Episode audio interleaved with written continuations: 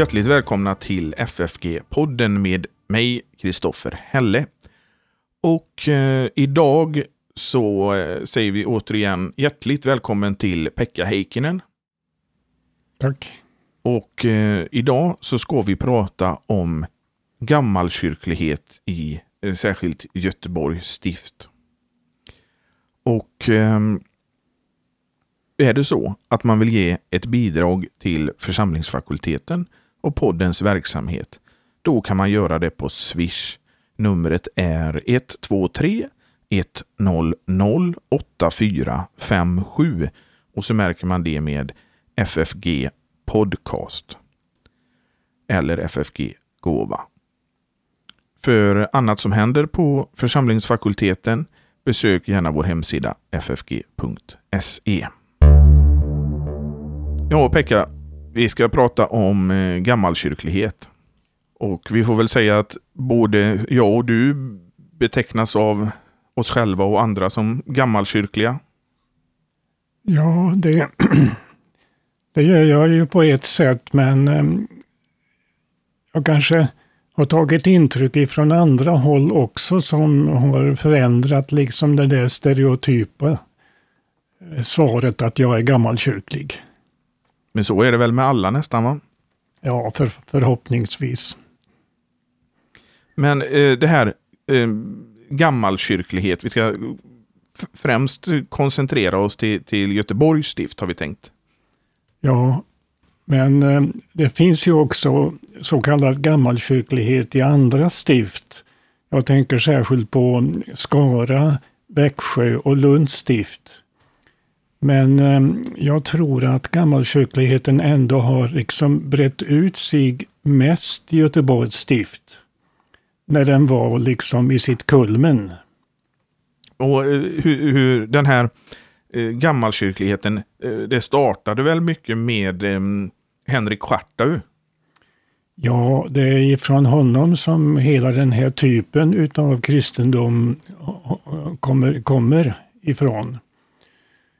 Och den har ju olika beteckningar. Den kallas ofta för schartaunism. Och det är ju ett uttryck som har ofta blivit ett skällsord egentligen.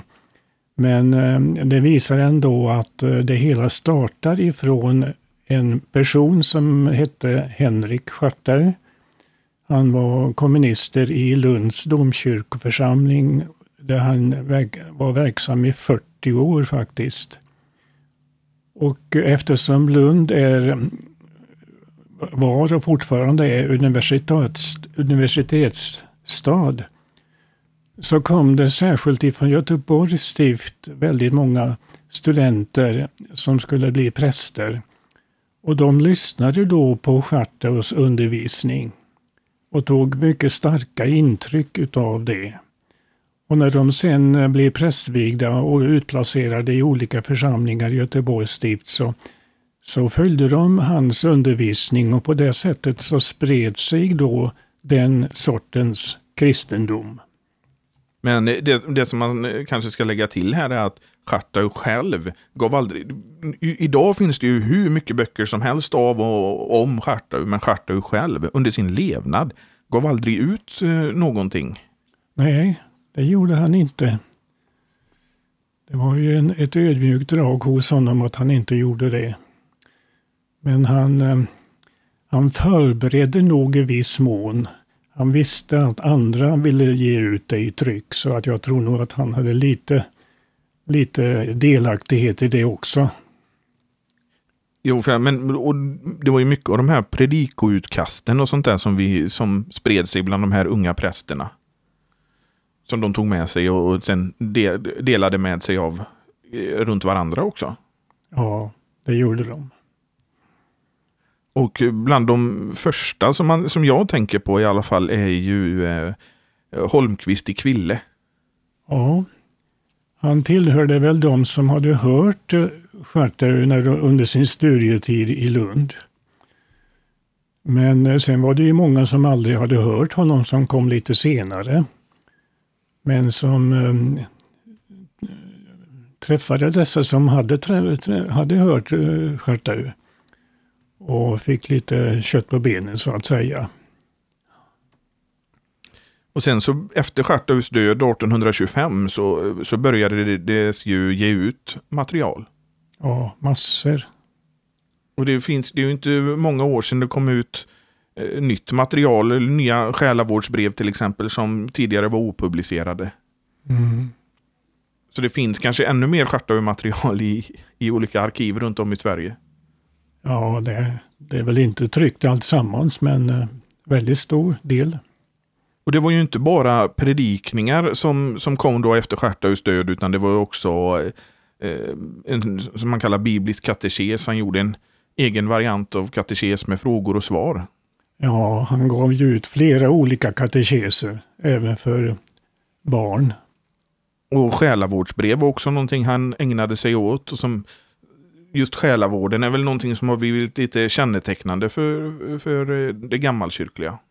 Ja, Schartau han var ju mäster så att säga när det gällde själavården. Och det är ju svårt att kopiera honom men visst har eh, många lärt sig ännu mycket av hans själavårdande predikningar och, och brev.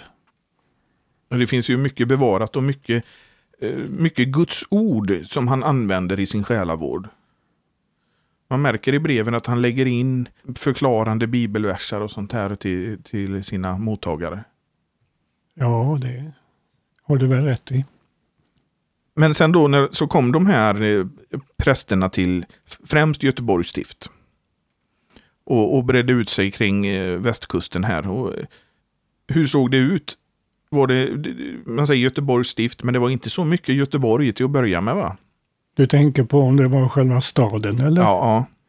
Nej, de blev väl utplacerade i landsbygden. Och stiftet bestod ju av eh, Bohuslän och Halland och eh, ganska stora delar utav Västergötland. Ja, till och med en liten bit utav Dalsland. Och där blir de då utplacerade. Men eh, domkapitlet och biskopen var inte nöjd med dessa Stjärtaulärjungar. Därför att det blev vad man kallade för buller. Det blir buller ute i dessa församlingar där de blir placerade. Och med buller menas då att det kom så hemskt mycket folk till kyrkorna. Och det var inte bara församlingarnas egna medlemmar utan det kom folk från grannförsamlingar och en del vandrade milatals för att höra dessa Stjärtaulärjungar. Och då blev det ju missnöje i, i, i församlingen för de fick, fick knappt, knappt inte plats själva i sin egen kyrka så att säga. Och för att eh, bota detta eh, så lät man de här bullrande eller bullervållande eh, präster flytta till andra församlingar. Och de kunde flyttas många gånger, till exempel ända upp till tio gånger och, och kuska ifrån det ena hörnet utav Göteborgs stift till det andra. Det var ju säkert mycket påkostande och jobbigt. Men eh, följden blev att eh, chartaunismen då, som det också kallades för, eh, det bredde ut sig ännu mera då. Och, eh, och, omkring 1900 så kan man ju säga att, att, att det hade spritt sig så mycket så att det var till och med biskopen var en schartauan. Vem var det som var biskop då? Det var väl Björk. Ja. Ja. Ja, ja, annars, annars så, min, en reflektion som jag har är väl att den biskopen som har varit mest gammalkyrklig har inte varit i, i Göteborgs stift. Och det skulle jag säga var Gottfrid Billing i Lund och Strängnäs.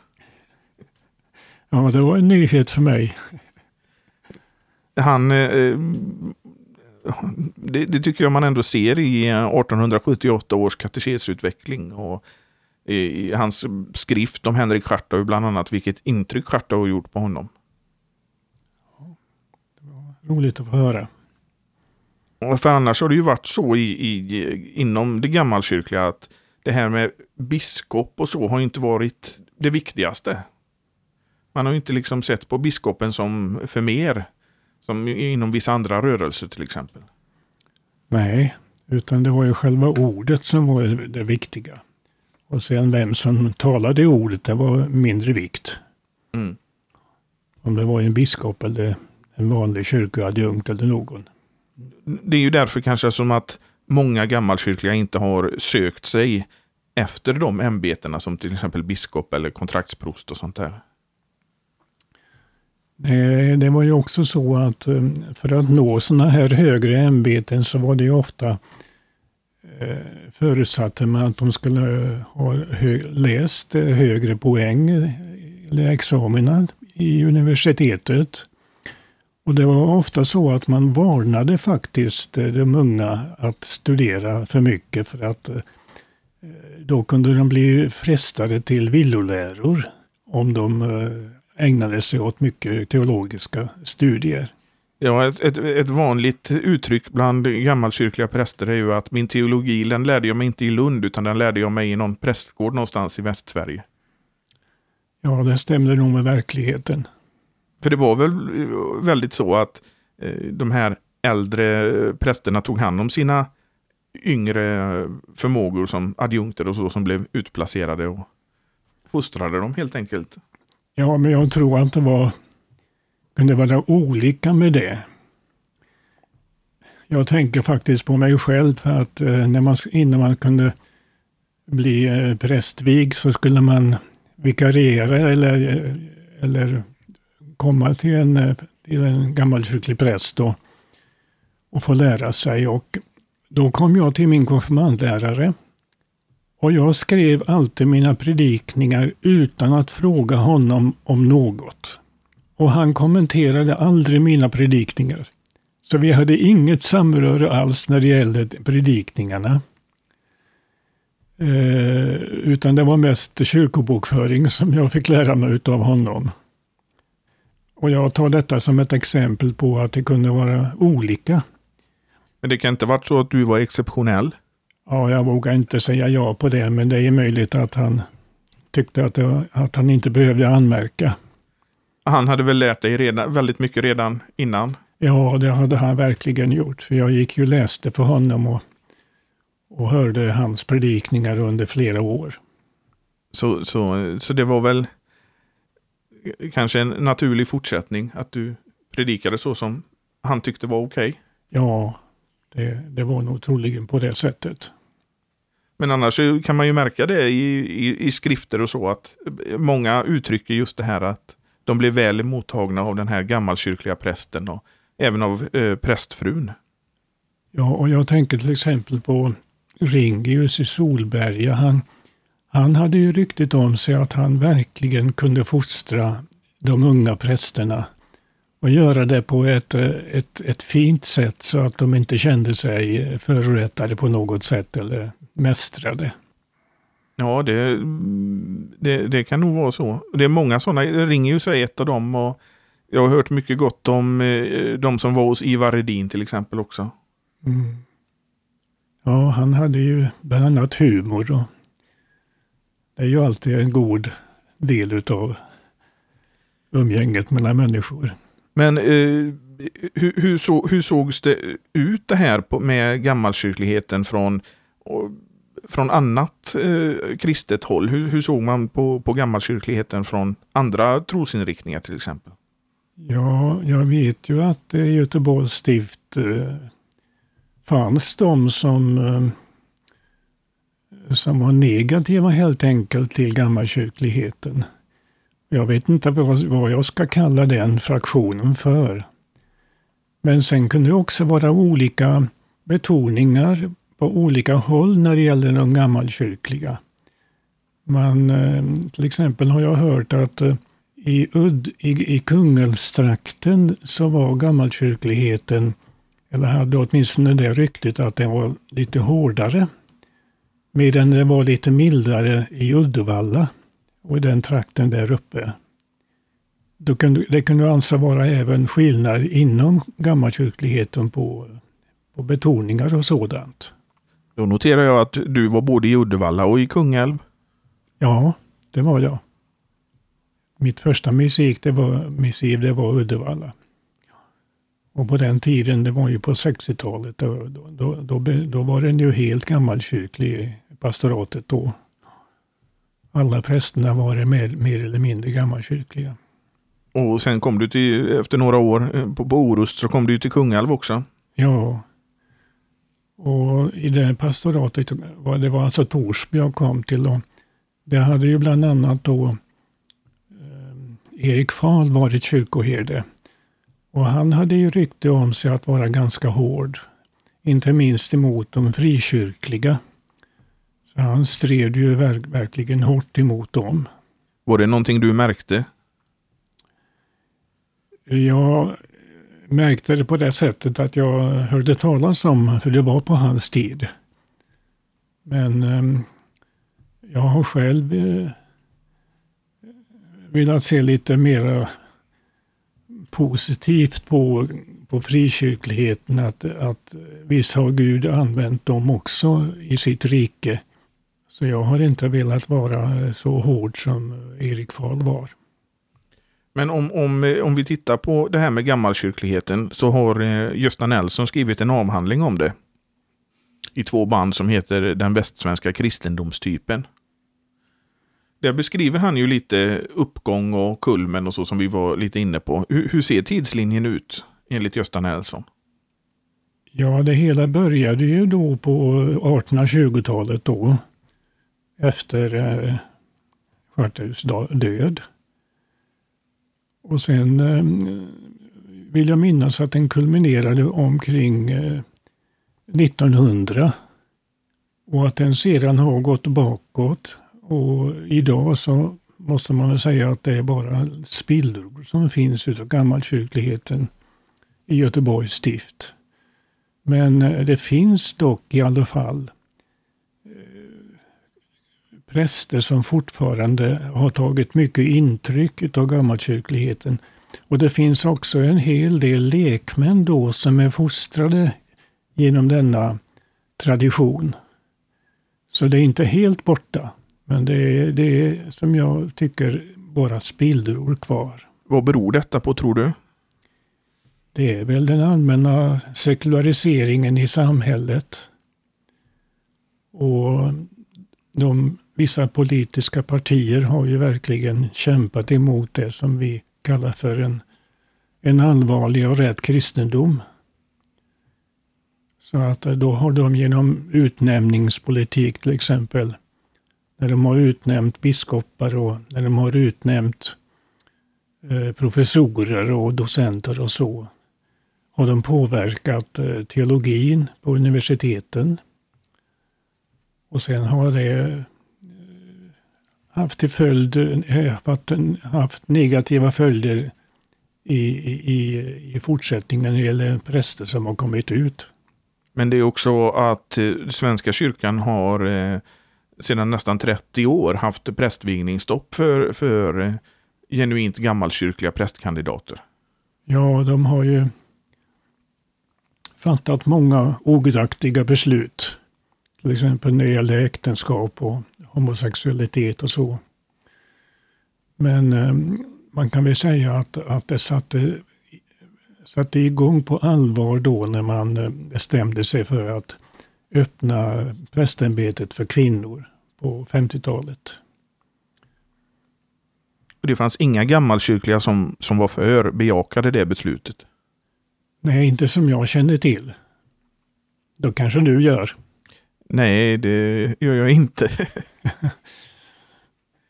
Och det är väl lite det som är kännetecknande för gammalkyrkligheten att eh, det är troheten mot Guds ord. Att det är Guds ords förkunnelse som är det, det centrala och att man av hjärtat verkligen vill följa det som Guds ord befaller. Ja, det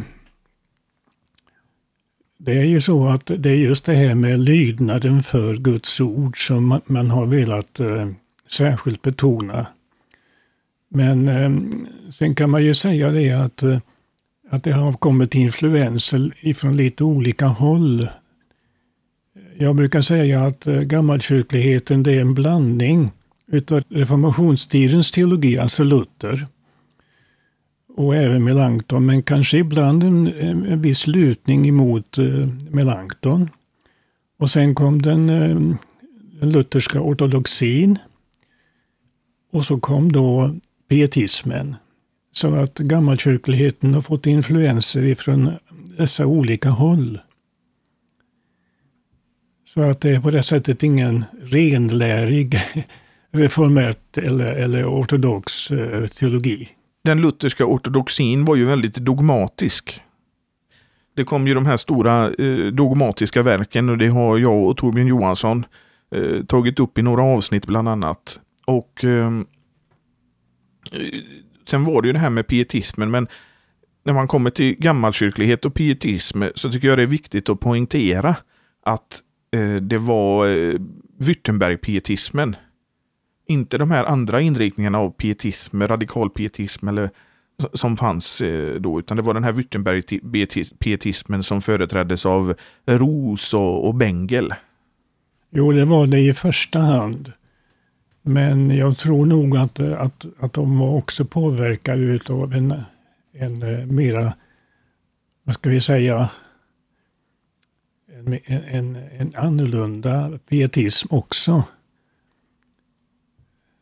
Till exempel det här med eh, hur man skulle se på eh, olika kulturella företeelser. Eller eh, att man måste gå igenom någon slags kris, samvetskris för att komma vidare i sin omvändelse.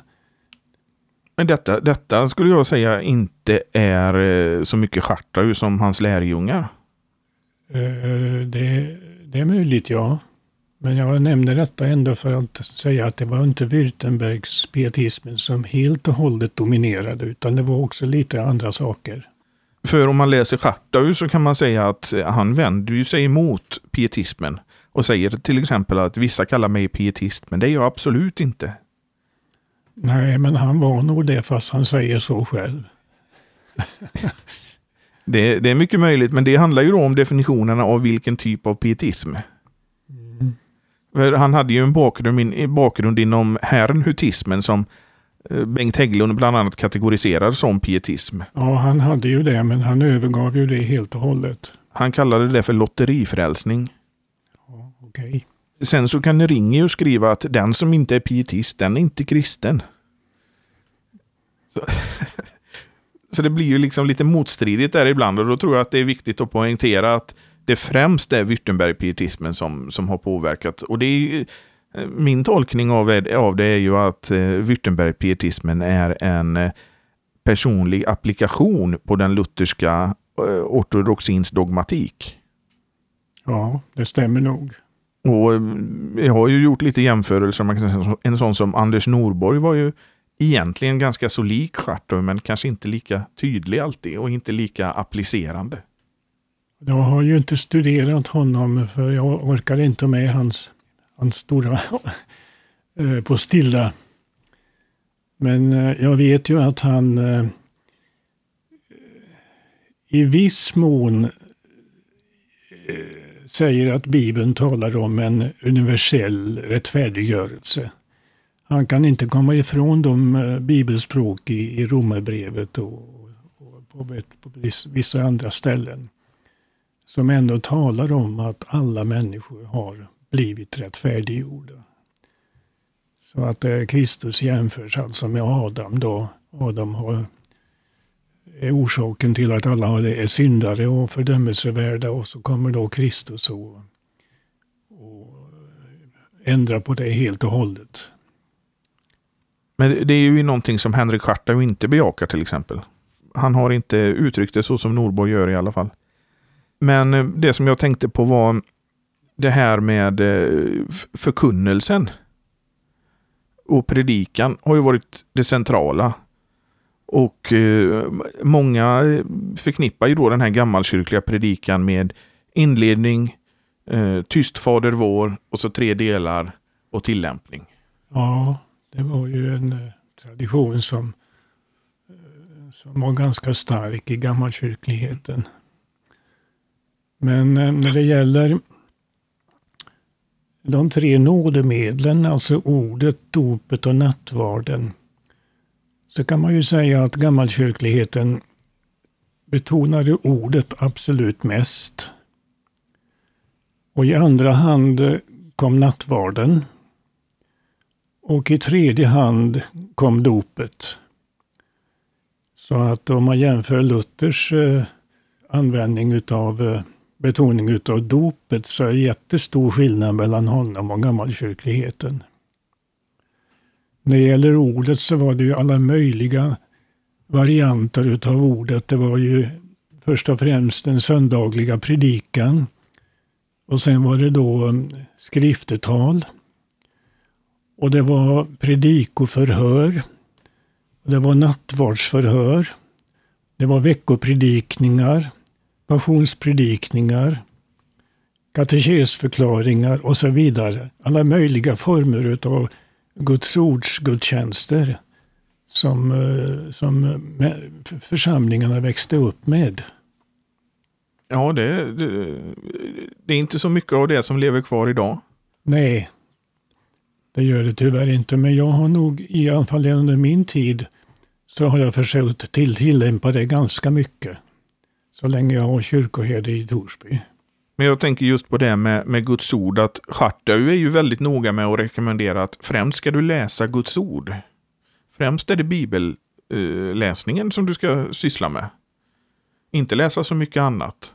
Men ibland så kan han tipsa om eh, att man ska läsa eh, Luther eller Ros också, går bra. Men annars så brukar han vara väldigt fokuserad just också på att det som vi kallar för bruka Guds ord. Ja, det är klart att Bibeln var eh, det viktigaste, men han, han, han har ju också skrivit listor på böcker som, som han kan rekommendera. Och det är inte bara en eller annan, utan det är en liten följd. Jag, jag minns inte hur, hur många det är, men det var, det var nog åtskilliga.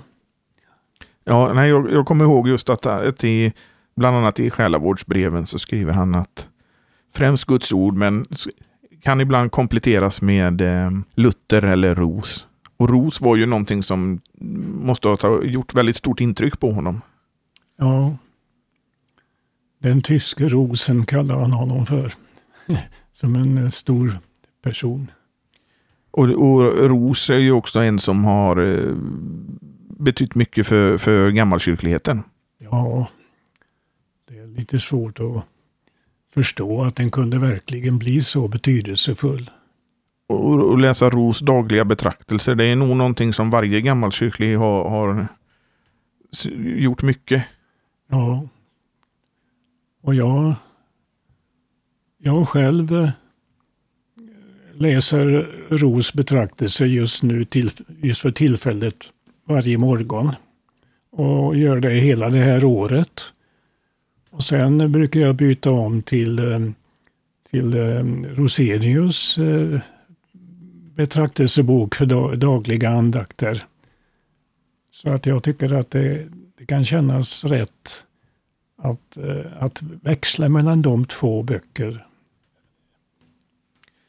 Och sen finns det ju då, vi pratar ju om Schartahus och Henrik Schartahus skattkammare finns ju också som jag tycker är, en god andaktslitteratur. Mm. Jo då. Det var nog ett tag sedan jag läste det nu. Och även um, Gösta Nelson har ju gett ut för husandakten. Ja. Men um, jag tycker att hans betraktelse är, det verkar som han liksom söker effekter på något sätt som, som jag inte tycker är så bra. Så jag föredrar Ros till exempel. Då ja, det gör jag också. Ja. Framför honom. Men, ehm, men just det här med, med predikan. Det, det har ju varit kanske det mest, det som man förknippar gammalkyrkligheten med. Lång, långa predikningar och väldigt strukturerade predikningar. För det ser man ju i de här många postillorna som har getts ut av gammalkyrkliga präster.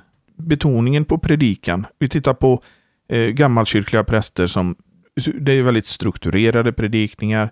Det är väldigt genomarbetade predikningar som sen oftast gavs ut i, i form av postillor, predikosamlingar. Av de här rätta lärare som man säger. Ja, och det som predikningarna då i allmänhet eh, handlade handlar om det är ju det som också var huvudsaken för, för Henrik Scharte och det var nådens ordning. Alltså i vilken ordning en människa blir omvänd till en sann kristen.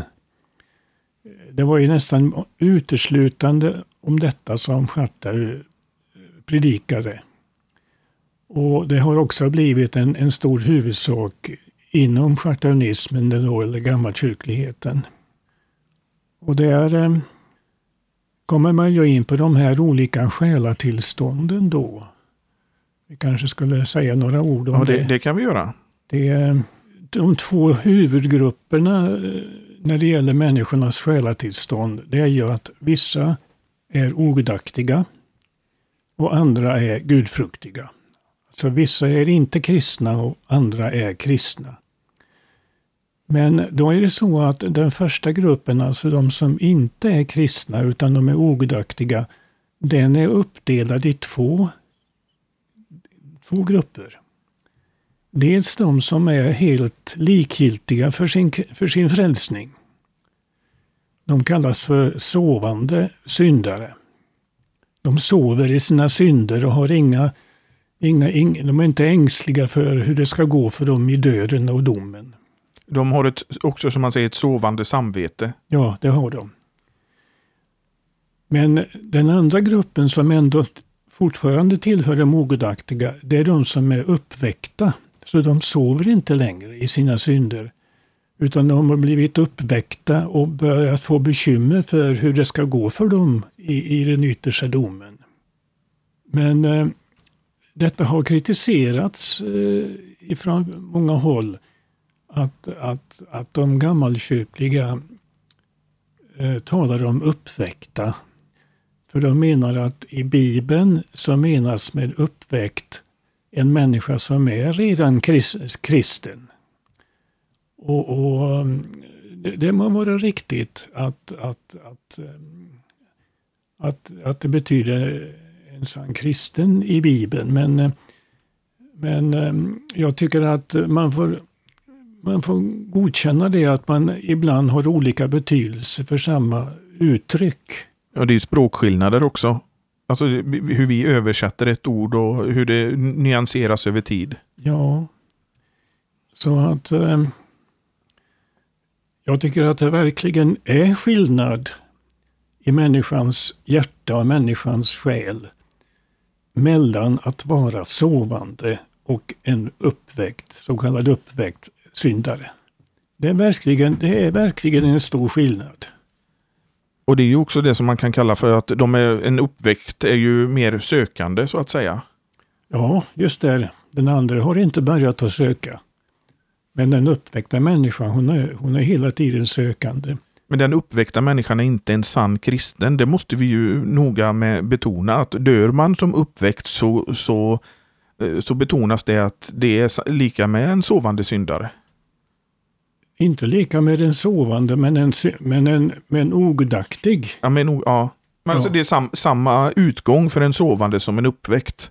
Om man dör i det tillståndet. Ja, då går man ju förlorad, ja. Ja, ja det är riktigt. Så det är ju först när man har kommit till en sann och levande tro på Jesus Kristus och har fått förlåtelse för sina synder och fått den heliga ande som gåva och så vidare det är först då som man kommer över på den säkra sidan. Och, jag menar, det är vissa som har försökt använda det här uh, sovande, uppväckta och, och benådade med någon form av skärseldslära. Och det måste vi ju ta starkt avstånd ifrån att så är fallet inte. Nej, det är alldeles riktigt. Utan den som är uppväckt, den är på väg, den söker men den är ännu, ännu inte omvänd. Jag påminner mig att eh, min konfirmandlärare han använde väldigt ofta uttrycket sökande. Och eh, det talas inte så mycket om det i skriften, men det, gör, det talas ju där också om att söka Gud, det gör det. Men eh, annars har jag inte uppfattat att just den termen är så ofta använd inom gammalkyrkligheten. Men min konfirmandlärare använde det väldigt ofta och jag tyckte att det var väldigt själavårdande. Därför att eh, om jag är sökande då är jag i alla fall på väg. Jag är på väg emot det rätta hållet. Och vem är det då som ansågs vara sökande? Jo, det var en som gick till kyrkan på söndagar och läste sin bibel och, och bad eh, den heliga ande om att kunna bli en sann kristen och, och kunna leva på ett kristligt sätt. Eh, men däremot att komma till att säga det om sig själv, jag är en kristen, det var ju problematiskt inom gammalkyrkligheten. Så att om någon fick det, det, den frågan, är du omvänd? Är du en kristen? Då hade de väldigt svårt för att svara ja på den frågan. Utan de sa de ju hellre att ja, jag vill det. Jag söker efter det. Jag vill vara en sann kristen. Men de vågade inte säga ja på just på, på den frågan. Och det berodde väl också på att man inom gammalkyrkligheten varnade för att alltför tidigt tro sig ha blivit en sann kristen, en omvänd människa. Utan det var någonting som man jag vet att min konfirmandlärare ofta sa det att i sina predikningar att, att det är ingen sak som går fort att bli en kristen. Man ska inte tro att det går så fort att bli en kristen och komma till tro på Jesus. Utan det kan ta många år. Och det tog jag, det tog jag väldigt starkt intryck av. Så att visst var jag en sökande redan under min konfirmandtid, konfirmationstid. Men det var först när jag kom till Lund under, min, under teologistudierna i Lund som jag började våga tänka om mig själv att jag var en kristen. Jag skulle tro att din konfirmandlärare betraktade dig som en kristen redan innan, för annars hade han nog inte gett dig nattvarden. Ja, det inte yttra mig om, om han gjorde det eller inte. Men eh, Ger man nattvarden till den som, inte, som man betraktar som inte skulle vara en kristen? Nej, men jag tror inte att han eh, tänkte på det, hur det var med församlingsborna som kom till nattvarden. Han kunde ju inte avgöra vem som var kristen eller inte. Nej, men ni hade inga förhör? Hur så? Det var inga nattvardsförhör? Eh, jo, det var det nog, ja. Mm. Men eh, att till sist veta vem som var kristen eller inte som kom till nattvarden, det, ja, det, tro, det, tror jag inte att han vågar sig på. Nej, men det var bara en... För inom gammalkyrkligheten så ett skriftetal brukar ju väldigt noga poängtera att eh, vad som händer om den som inte är kristen går till nattvarden. Jo, eh, Eh, de använde ju inte bara lösennyckeln utan även bindernyckeln. Det var ju, ut, det var ju också något kännetecknande för gammalkyrkligheten. Och eh, Schartau, han var ju absolut... Eh, det gjorde han i varje, varje skriftetal. Och ehm, sen var det många gammalkyrkliga som fortsatte med att använda båda nycklarna. Men när det gäller det här med att eh, inte tro för tidigt. Så, så har jag i en predikan utav, utav Scharte eh, läst hur han sa det att det är skillnad på hur, det, hur, hur fort man blir en kristen i ungdomen och senare i livet, om man omvänder sig senare i livet. Och när det gäller ungdomar eh, Eh, så skriver han i den predikan att det kan gå så lätt för en ung människa att bli kristen. Och så fort. Som när en mamma dukar bordet och säger till barnen Varsågod barn och kom och ät här. Och då tvivlar de inte alls på det utan de kommer precis med en gång och äter för de, de litar på att mamma vill, vill någonting väl.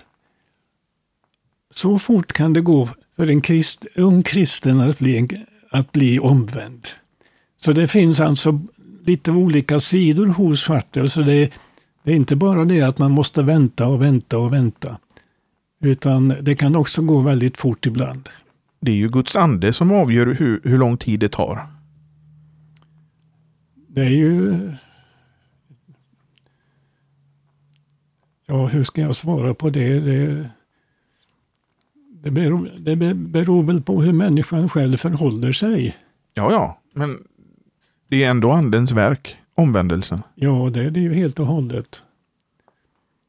Även om det, när det gäller just frågan vad gör den heliga ande och vad gör människan när det gäller omvändelsen? Det finns ju lite olika uppfattningar. Så att till exempel Melanchthon, han, eh, han kunde ju eh, han hade ju tre orsaker till människans frälsning. Det var alltså Kristi återlösning och så var det då den heliga Andes eh, arbete med ordet. Men så var det också människans ja till kallelsen. Alltså det var en tredje orsak till att en människa kunde bli frälst. Och det menar ju då kritikerna att, att, att det inte evangelisk luthersk lära.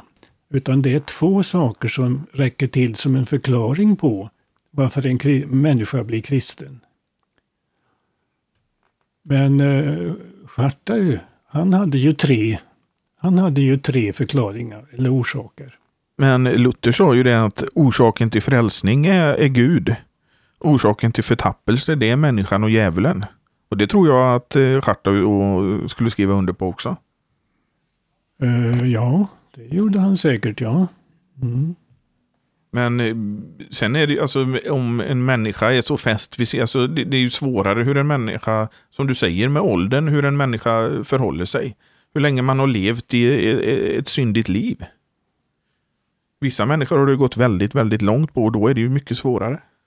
Ja, det, har man, det lär man ju inom gammalkyrkligheten. Och då tar man ofta den bilden då att, att om, eh, om man med en eh, hästkärra kör på en, eh, ja, en dålig väg så sjunker ju hjulen ner ju, ju längre tid man håller på och kör på vägen så sjunker hjulen ner och desto svårare blir det att, att komma, komma upp ur de här djupa spåren då till någon, ett, ett annat spår så att säga. Så att det blir inte lättare utan svårare ju längre man väntar med omvändelsen. Och allra svårast är det förstås att eh, bli omvänd i det, det som skriften kallar för elfte timmen som den ena av rövarna som var korsfästa med Jesus. Han, han, blir ju, han blir ju frälst i elfte timmen. Men eh, då är det svårast därför att då, då kommer djävulen och säger att det, det fattar du väl att när du har stått emot Gud i, i hela ditt liv, skulle Gud då tåla dig nu på din ålderdom? Och, och det blir alltså svårt att tro på sina synders förlåtelse då. Gud vill att alla människor ska bli omvända. Det gör han, ja. Och det är ju någonting som betonas inom gammalkyrkligheten. Ja, det är ett, väldigt viktigt eh, bibelord det där att Gud vill att alla människor ska bli frälsta.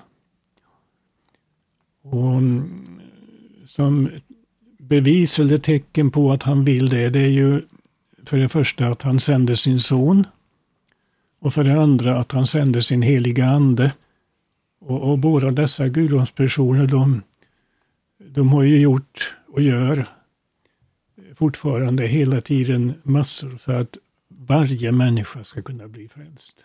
Och det eh, pratas ju mycket inom gammalkyrkligheten om det här med evighetsperspektiv också. Att man du gör inte det för stunden utan du gör någonting med, med evigheten i sikte. Ja, det är sant att det, det ska hela tiden vara med människans kristendom. Hur blir det i evigheten? Och också detta att man tar fasta på Jesu ord att jag kommer snart. Att man eh, är medveten om att, eh, att eh, antingen kan jag dö precis när som helst och då, då, då kan jag inte sen bli omvänd efter det. Och Jesus han kan komma precis när som helst. Så att de här eskatologiska styckena de, de är väldigt aktuella inom gammalkyrkligheten. Men det är också att Jesus kan komma när som helst via ordet. För Vi pratar om sökande. Den som söker Jesus i ordet finner ju Jesus. Den som gör det med evighetsperspektiv och ett allvarligt sinne, den, den finner ju Jesus i ordet. Ja, då ska man ta verkligen fasta på det, på det löftet. Överhuvudtaget är löftet någonting väldigt viktigt i gammalkyrkligheten. Det är inte bara lagens ord som man ska ta till sig utan löftens, löftena är, är, är, lika viktiga eller om jag vill säga ännu viktigare för det, det är genom att förtrösta, lita på löftena som man blir frälst och salig. Mm.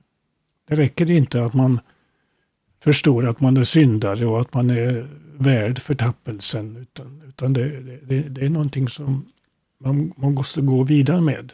Och det här är ju någonting som Scharta eh, tar upp i sin eh, eh ut, eh, beskrivning av nådens ordning. Just det här upplysningen av lag och evangelium går i två vändor. När han menar att första, första upplysningen av lag och evangelium så förstår man att det finns lag och evangelium och i andra vändan att det gäller dig. Det är riktigt, ja. Så, så det, det, finns ju också där. Eh, men en, en, en, en gammalkyrklig predikan, eh, vad, vad kännetecknar den? Vad, vad, vad är det som den innehåller? Den innehåller ju både lag och evangelium. Det är väl eh, mitt huvudsvar. Och sen eh, går det ju att gå in i detaljer både när det gäller lagen och evangeliet. Och det nämnde du ju precis att det finns två upplysningar. Det finns två, eh, två upplysningar genom lagen och, och två upplysningar genom evangeliet. Och sen också det här med tillämpningen då. Och där eh, tilltalas då de sovande syndarna, uppväckta syndarna och omvända eller benådade syndarna. För det är ju också ett kännetecken att man, eh, man predikar inte bara till de omvända utan man predikar till alla för man förutsätter inte att alla i församlingen är omvända. Det gör man ju absolut inte. Och man undviker ju det här med vi-predikningar som ju ofta är vanliga. Att, att, när man säger vi så vet man ju inte vad predikanten egentligen tänker på. Eller tänker han på alla människor så att alla är precis ingår i detta vi? Utan de differentierar ju verkligen eh, de gammalkyrkliga att det finns olika sorters tillstånd bland åhörarna. Och de eh, är noga med att dela ut, dela ut ordet så att det passar den ena och den andra kategorin. Men sen också att man eh, i en gammalkyrklig predikan varnar för vad, vad, vad som komma skall om man inte brukar Guds ord och, och blir en sann kristen. Ja, varningen finns med och det hör ju till lagens eh, predikan. Så att eh, det är inte bara när man predikar lagen så ska man inte bara tala om vad som är fel och rätt. Utan man ska också tala om hur det går om man struntar i vad som är fel och rätt. Man, eh, man talar mycket om Guds vrede. Att Gud han kan vara nådig men han kan också vara full av vrede mot en människa. Och just detta att, att eh, tala om Guds vrede det är ju någonting som många präster på allt sätt vill undvika. De menar att det skulle vara fel att tala om Guds vrede, men så tänker inte de gammalkyrkliga. Nej, det, men jag, jag, tror att här är någonting som många människor missförstår. Att så fort man pratar om Guds vrede, om dom, så är det som, det som en sovande och till viss del uppväckt människa, det är det enda de hör. De hör inte eh, löftena som vi pratar om, om evangeliet, utan då fokuserar de bara på det här. Menar du kritikerna? Kritikerna. Och jag menar de som är sovande och de som är uppväckta också. De hör inget annat än dom och vrede. Även fast det egentligen är en väldigt liten del av en gammalkyrklig predikan, tycker jag. För det är ju mest handlar ju om evangelium ändå. Ja, men samtidigt är det ju också så att den helige ande låter inte en människa höra evangeliet så länge hon inte har tagit emot lagen. Utan då är det den helige ande som bestämmer vad människan hör eller inte hör. Ja. Men jag tror att många som, som får en negativ bild av den här gammalkyrkliga predikan eh, de tror att det bara handlar om att man står och pratar om Guds vrede, om domen och, förtappelse. Men eh, det skulle jag säga är ett stort missförstånd. Ja, det är det ju, men jag tror, jag vill ändå en gång till säga det att det kan bero på att den heliga ande inte har låtit dem komma längre. Ja, det är sant. Men jag tror också att det är folk som, som aldrig har hört en gammalkyrklig predikan och som har den nidbilden av gammalkyrkligheten. Ja, det brukar ju talas om hur hårda de är och intoleranta och så vidare. Men en, en, en gammalkyrklig predikan kommer ju precis med de här löftena som du pratar om också. Och, på, och lyfter fram evangeliet på ett särskilt sätt. Och ju större nöden är, jo, desto stö ju större nöden är, desto större är också nåden. Mm. Och det är ju någonting som betonas väldigt inom gammalkyrkligheten, tycker jag. Jo, det gör det ju. Jag kommer ihåg ifrån min gymnasietid, jag gick på så kallade prästgymnasiet i Göteborg, att det var en lärare som ondgjorde sig väldigt över, eh, över eh, förkunnelsen i Solberga pastorat där vederbörande tydligen hade sommarstuga. Gång på gång så klandrade han den, den undervisningen. Jo, men det är nog så att det är många som, eh, som gör det. Um, en, en, annan sak som har varit eh, väldigt betonat, framförallt från Schartau själv, men även lärjungarna, är ju det här att man inte ska bygga på några känslor. Det är riktigt att, eh, att man ska inte bygga på det så att man liksom bygger sin kristna övertygelse på känslor. Därför att känslorna är, är labila så att säga. De kan eh, fort ändra sig. Och, men det finns någonting som inte ändrar sig och det är Guds ord. Och därför ska man, ska man bygga sin, sin kristendom på Guds ord. Men därmed är ju inte sagt att, att den sanna kristendomen saknar känslor. Utan eh, när, när lagen förkunnas så blir ju människan rädd för Gud. Och det är ju också känslor. Och när evangelium förkunnas, då blir man tröstad och hoppfull och glad. Och det är också känslor. Så att eh, den sanna kristendomen är ju inte känslolös. Den gör ju inte människan känslolös. Men eh, ändå gäller det hela tiden att som en huvudprincip ha det att man stöder sin tro och sitt hopp på Guds ord. Ja, för att även om man är en omvänd och sann kristen så finns ju den gamla människan alltid kvar där och spökar i, det, i köttet, i känslorna. Det är riktigt. Och eh, när det gäller just det här med kampen mellan köttet och anden som talas om i Galaterbrevet eh, så, så existerar ju inte den kampen innan man har blivit omvänd. Då finns det inte den här kampen mellan köttet och, och, och, och anden. Men när man har blivit omvänd så börjar den kampen. Och den varar ända tills eller människans död.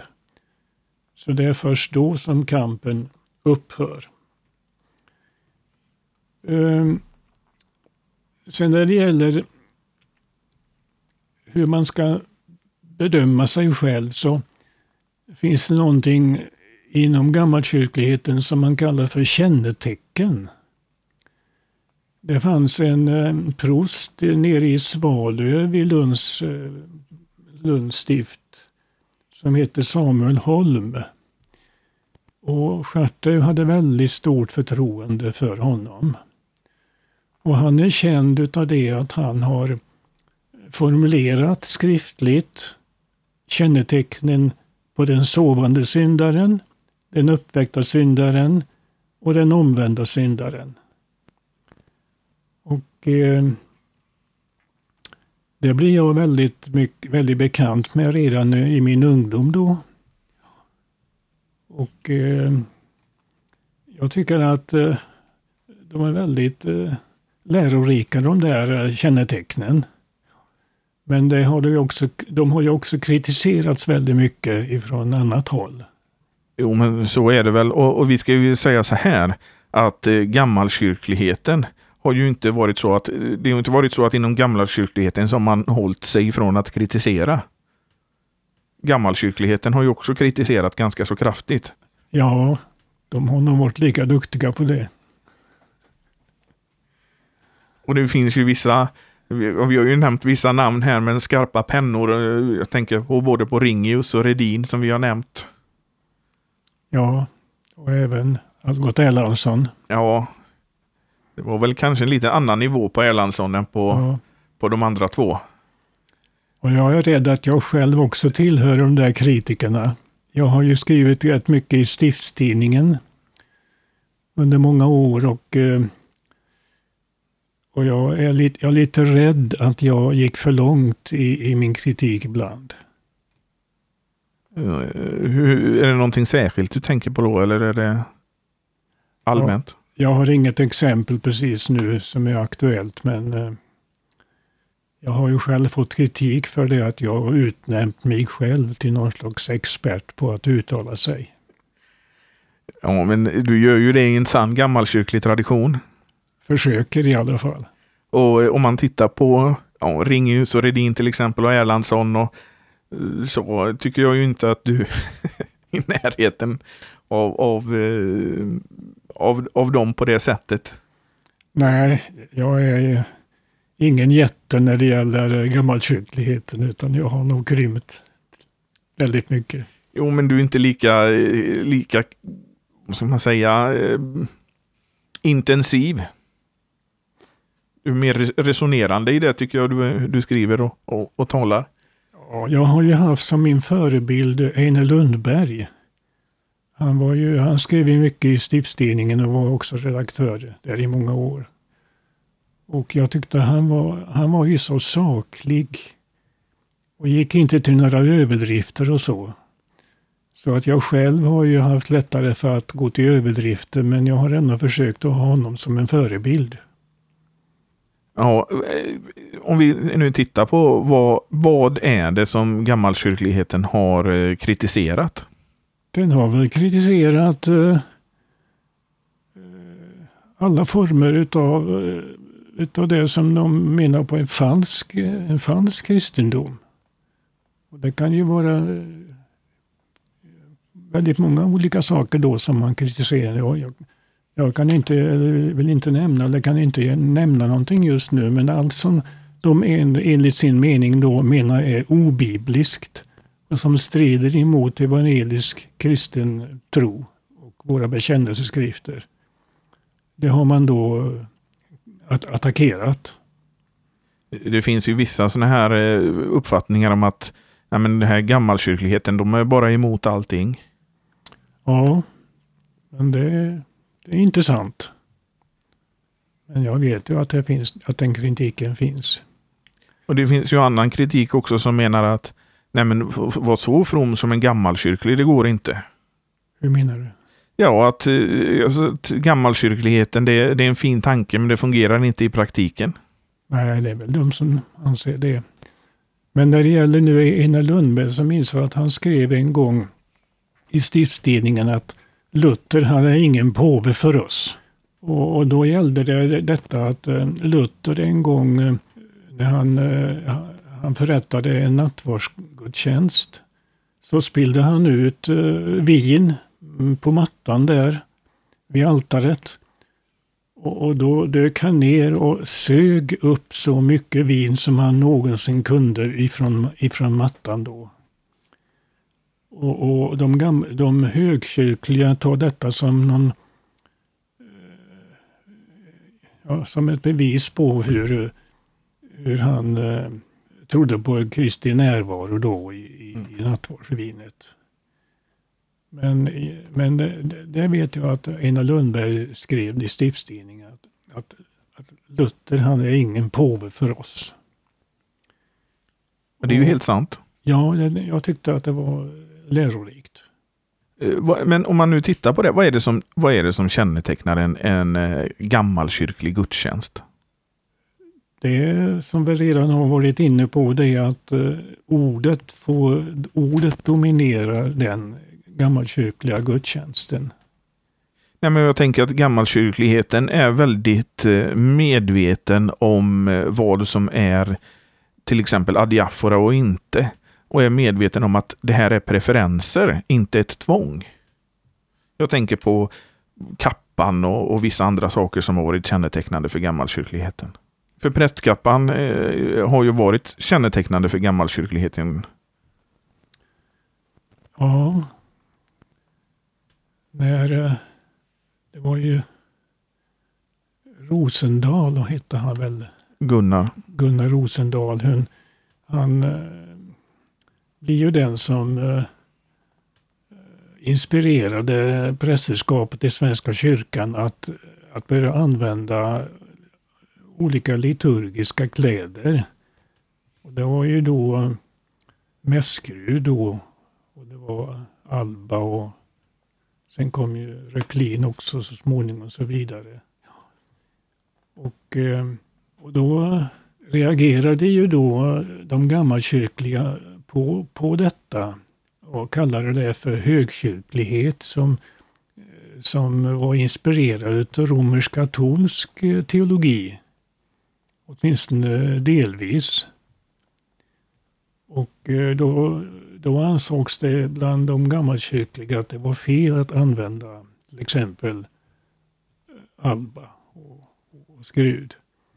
Jag kommer själv ihåg en gång när jag tjänstgjorde i eh, Lundby eh, församling i Göteborg på Hisingen. Jag hade en gudstjänst i, i, den, eh, i den stora kyrkan där då.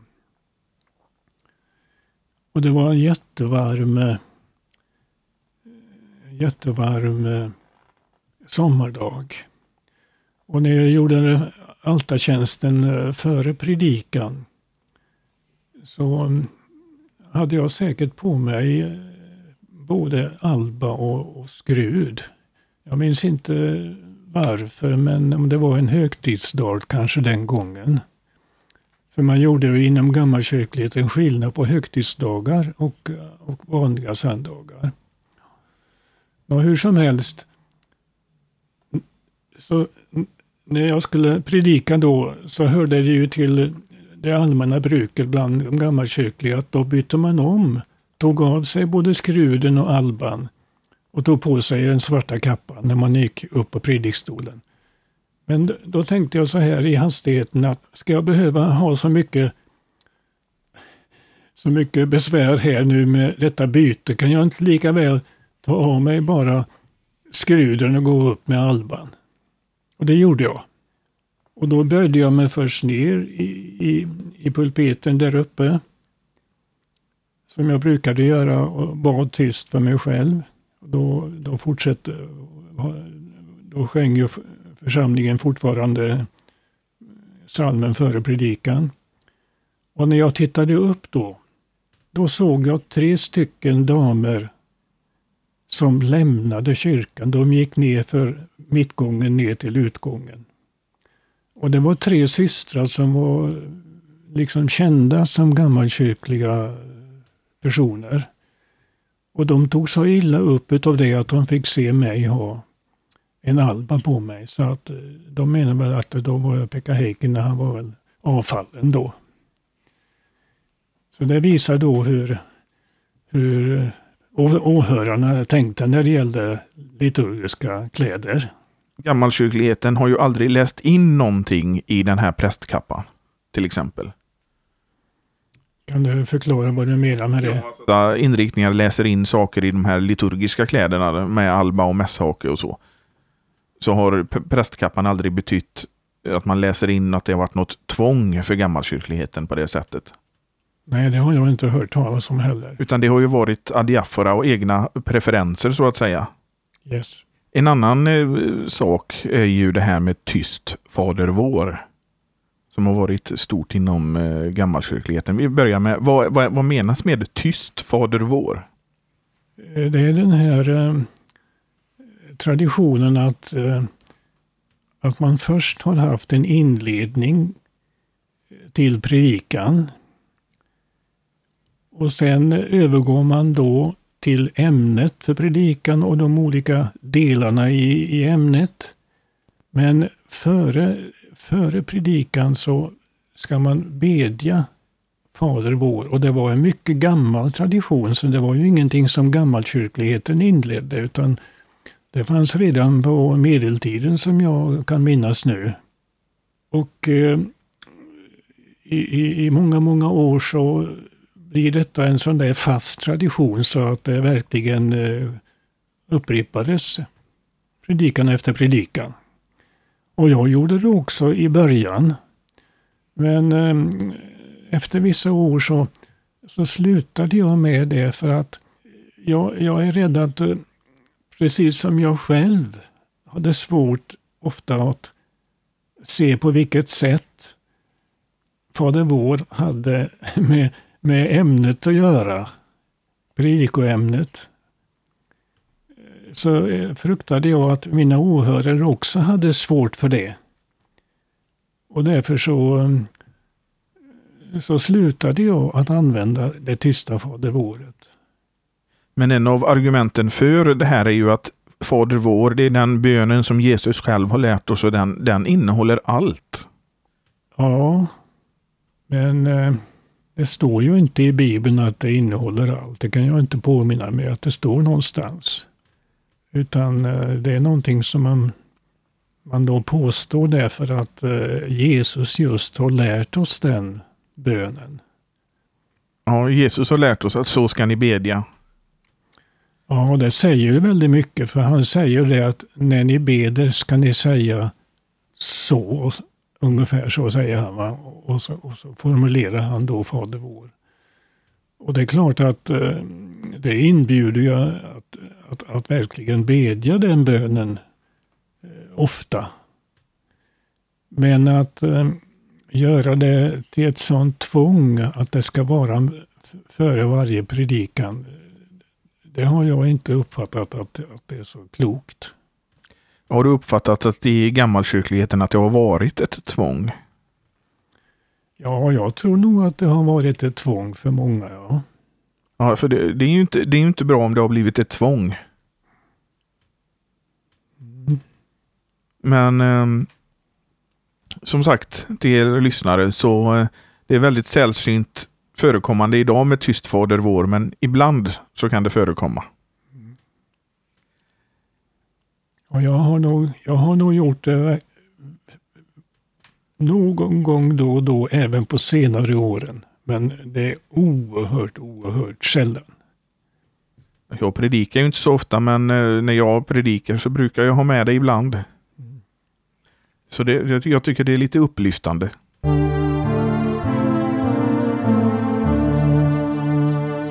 Ja, Pekka, vi har pratat en bra stund om gammalkyrklighet nu. Det finns ju mycket mer att säga också, eller hur? Ja, naturligtvis. Men jag tycker nog att vi har talat tillräckligt för den här gången. Ja, jag tänkte så här, att vi avslutar med att vi ger några lästips till våra lyssnare på eh, böcker som de skulle kunna läsa för att förkovra sig inom eh, det gammalkyrkliga. Det finns väldigt många så kallade postillor som man kan rekommendera. Jag tycker att även det som kallas för Luthers huspostilla, det, det, det, det tycker jag jag vill rekommendera mycket varmt. Oh ja. Det, det, är ju inte han som har hopställt egentligen huspostillan utan det är hans åhörare. Alltså teologistuderande och så vidare som har som har sammanställt det hela. Men, eh, men, men undervisningen i huspostillan den är ju mycket, mycket enklare än undervisningen i, i kyrkopostillan. Eh, kyrkopostillen är ju riktad till teologer och, och kyrkoherdare och, och predikanter. Men eh, husbostillen den riktar sig mer till lekmännen, så uppfattar jag det. Och även om det är jobbigt med de ständiga upprepningarna, för eh, Luther kan ju upprepa samma sak eh, tio gånger i en, i en predikan i husbostillen, eh, så är det ändå så att, att den här enkelheten gör att, eh, att det är lättare för eh, många som är rätt så okunniga när det gäller Bibeln och så. Att de kan få uppbyggelse genom husbostillan. Så jag rekommenderar det faktiskt. Finns det någon mer? Ja, sen eh, jag brukar ju läsa Henrik Schartau, men det kan man ju tyvärr inte rekommendera många nybörjare. Det, det, det är för svårt. Men sen tycker jag särskilt om um, Lave Jonssons predikningar. Det gör jag också. Jag tycker att han är en, en väldigt teologisk predikant. Ja, han kommer ofta in på lärofrågor. Ja. Men sen är det ju likadant med, med vad heter han nu i Solberga? Ringius. Ja, att uh, Ringius predikningar och som heter Helde, Heldes predikningar. Och, och eh, det finns många gamla postilder som är uppbyggliga men det är klart att med tanke på hur okunniga människorna är numera när det gäller både Bibeln och, och kristna traditioner så, så kan det vara svårt att, att hitta någon, någon postilla eller predikosamling som, som man kan rekommendera att läsa. Eh, det är ju en eh, fri eh, luthersk församling i, i, i Stockholm där kyrkoheten heter Ingvar Andersson. Han har gett ut en postilla och det tycker jag kan rekommendera men det är klart att de har väl kanske sina särdrag som som inte riktigt stämmer överens med gammalkyrkligheten. Men jag, jag, skulle säga att det finns också böcker som eh, till exempel vi har nämnt den västsvenska kristendomstypen av Gösta Nelson och vill man fördjupa sig så är den en utmärkt bok. Ja, om man orkar ge sig på den så, så är den ju verkligen lärorik. Det finns väl andra böcker också som jag tänker på eh, Bengt Hägglunds far har skrivit en bok om Schartau och även Gottfrid Billing som jag tycker har sina poänger. Ja, det stämmer. Men då säger vi tack så mycket till dig Pekka för att du har varit med och pratat om gammalkyrklighet. Tack för att jag fick vara med. Och eh, vi påminner er lyssnare att man kan ge ett eh, bidrag till den här podden och församlingsfakultetens fortsatta arbete. Gör det gärna på Swish. Numret är 123 100 8457 och så märker man det med FFG Gåva eller FFG Podcast. Och för annan Eh, information om vad som händer på församlingsfakulteten besök vår hemsida på ffg.se Jag säger tack för idag och att vi hörs igen nästa vecka.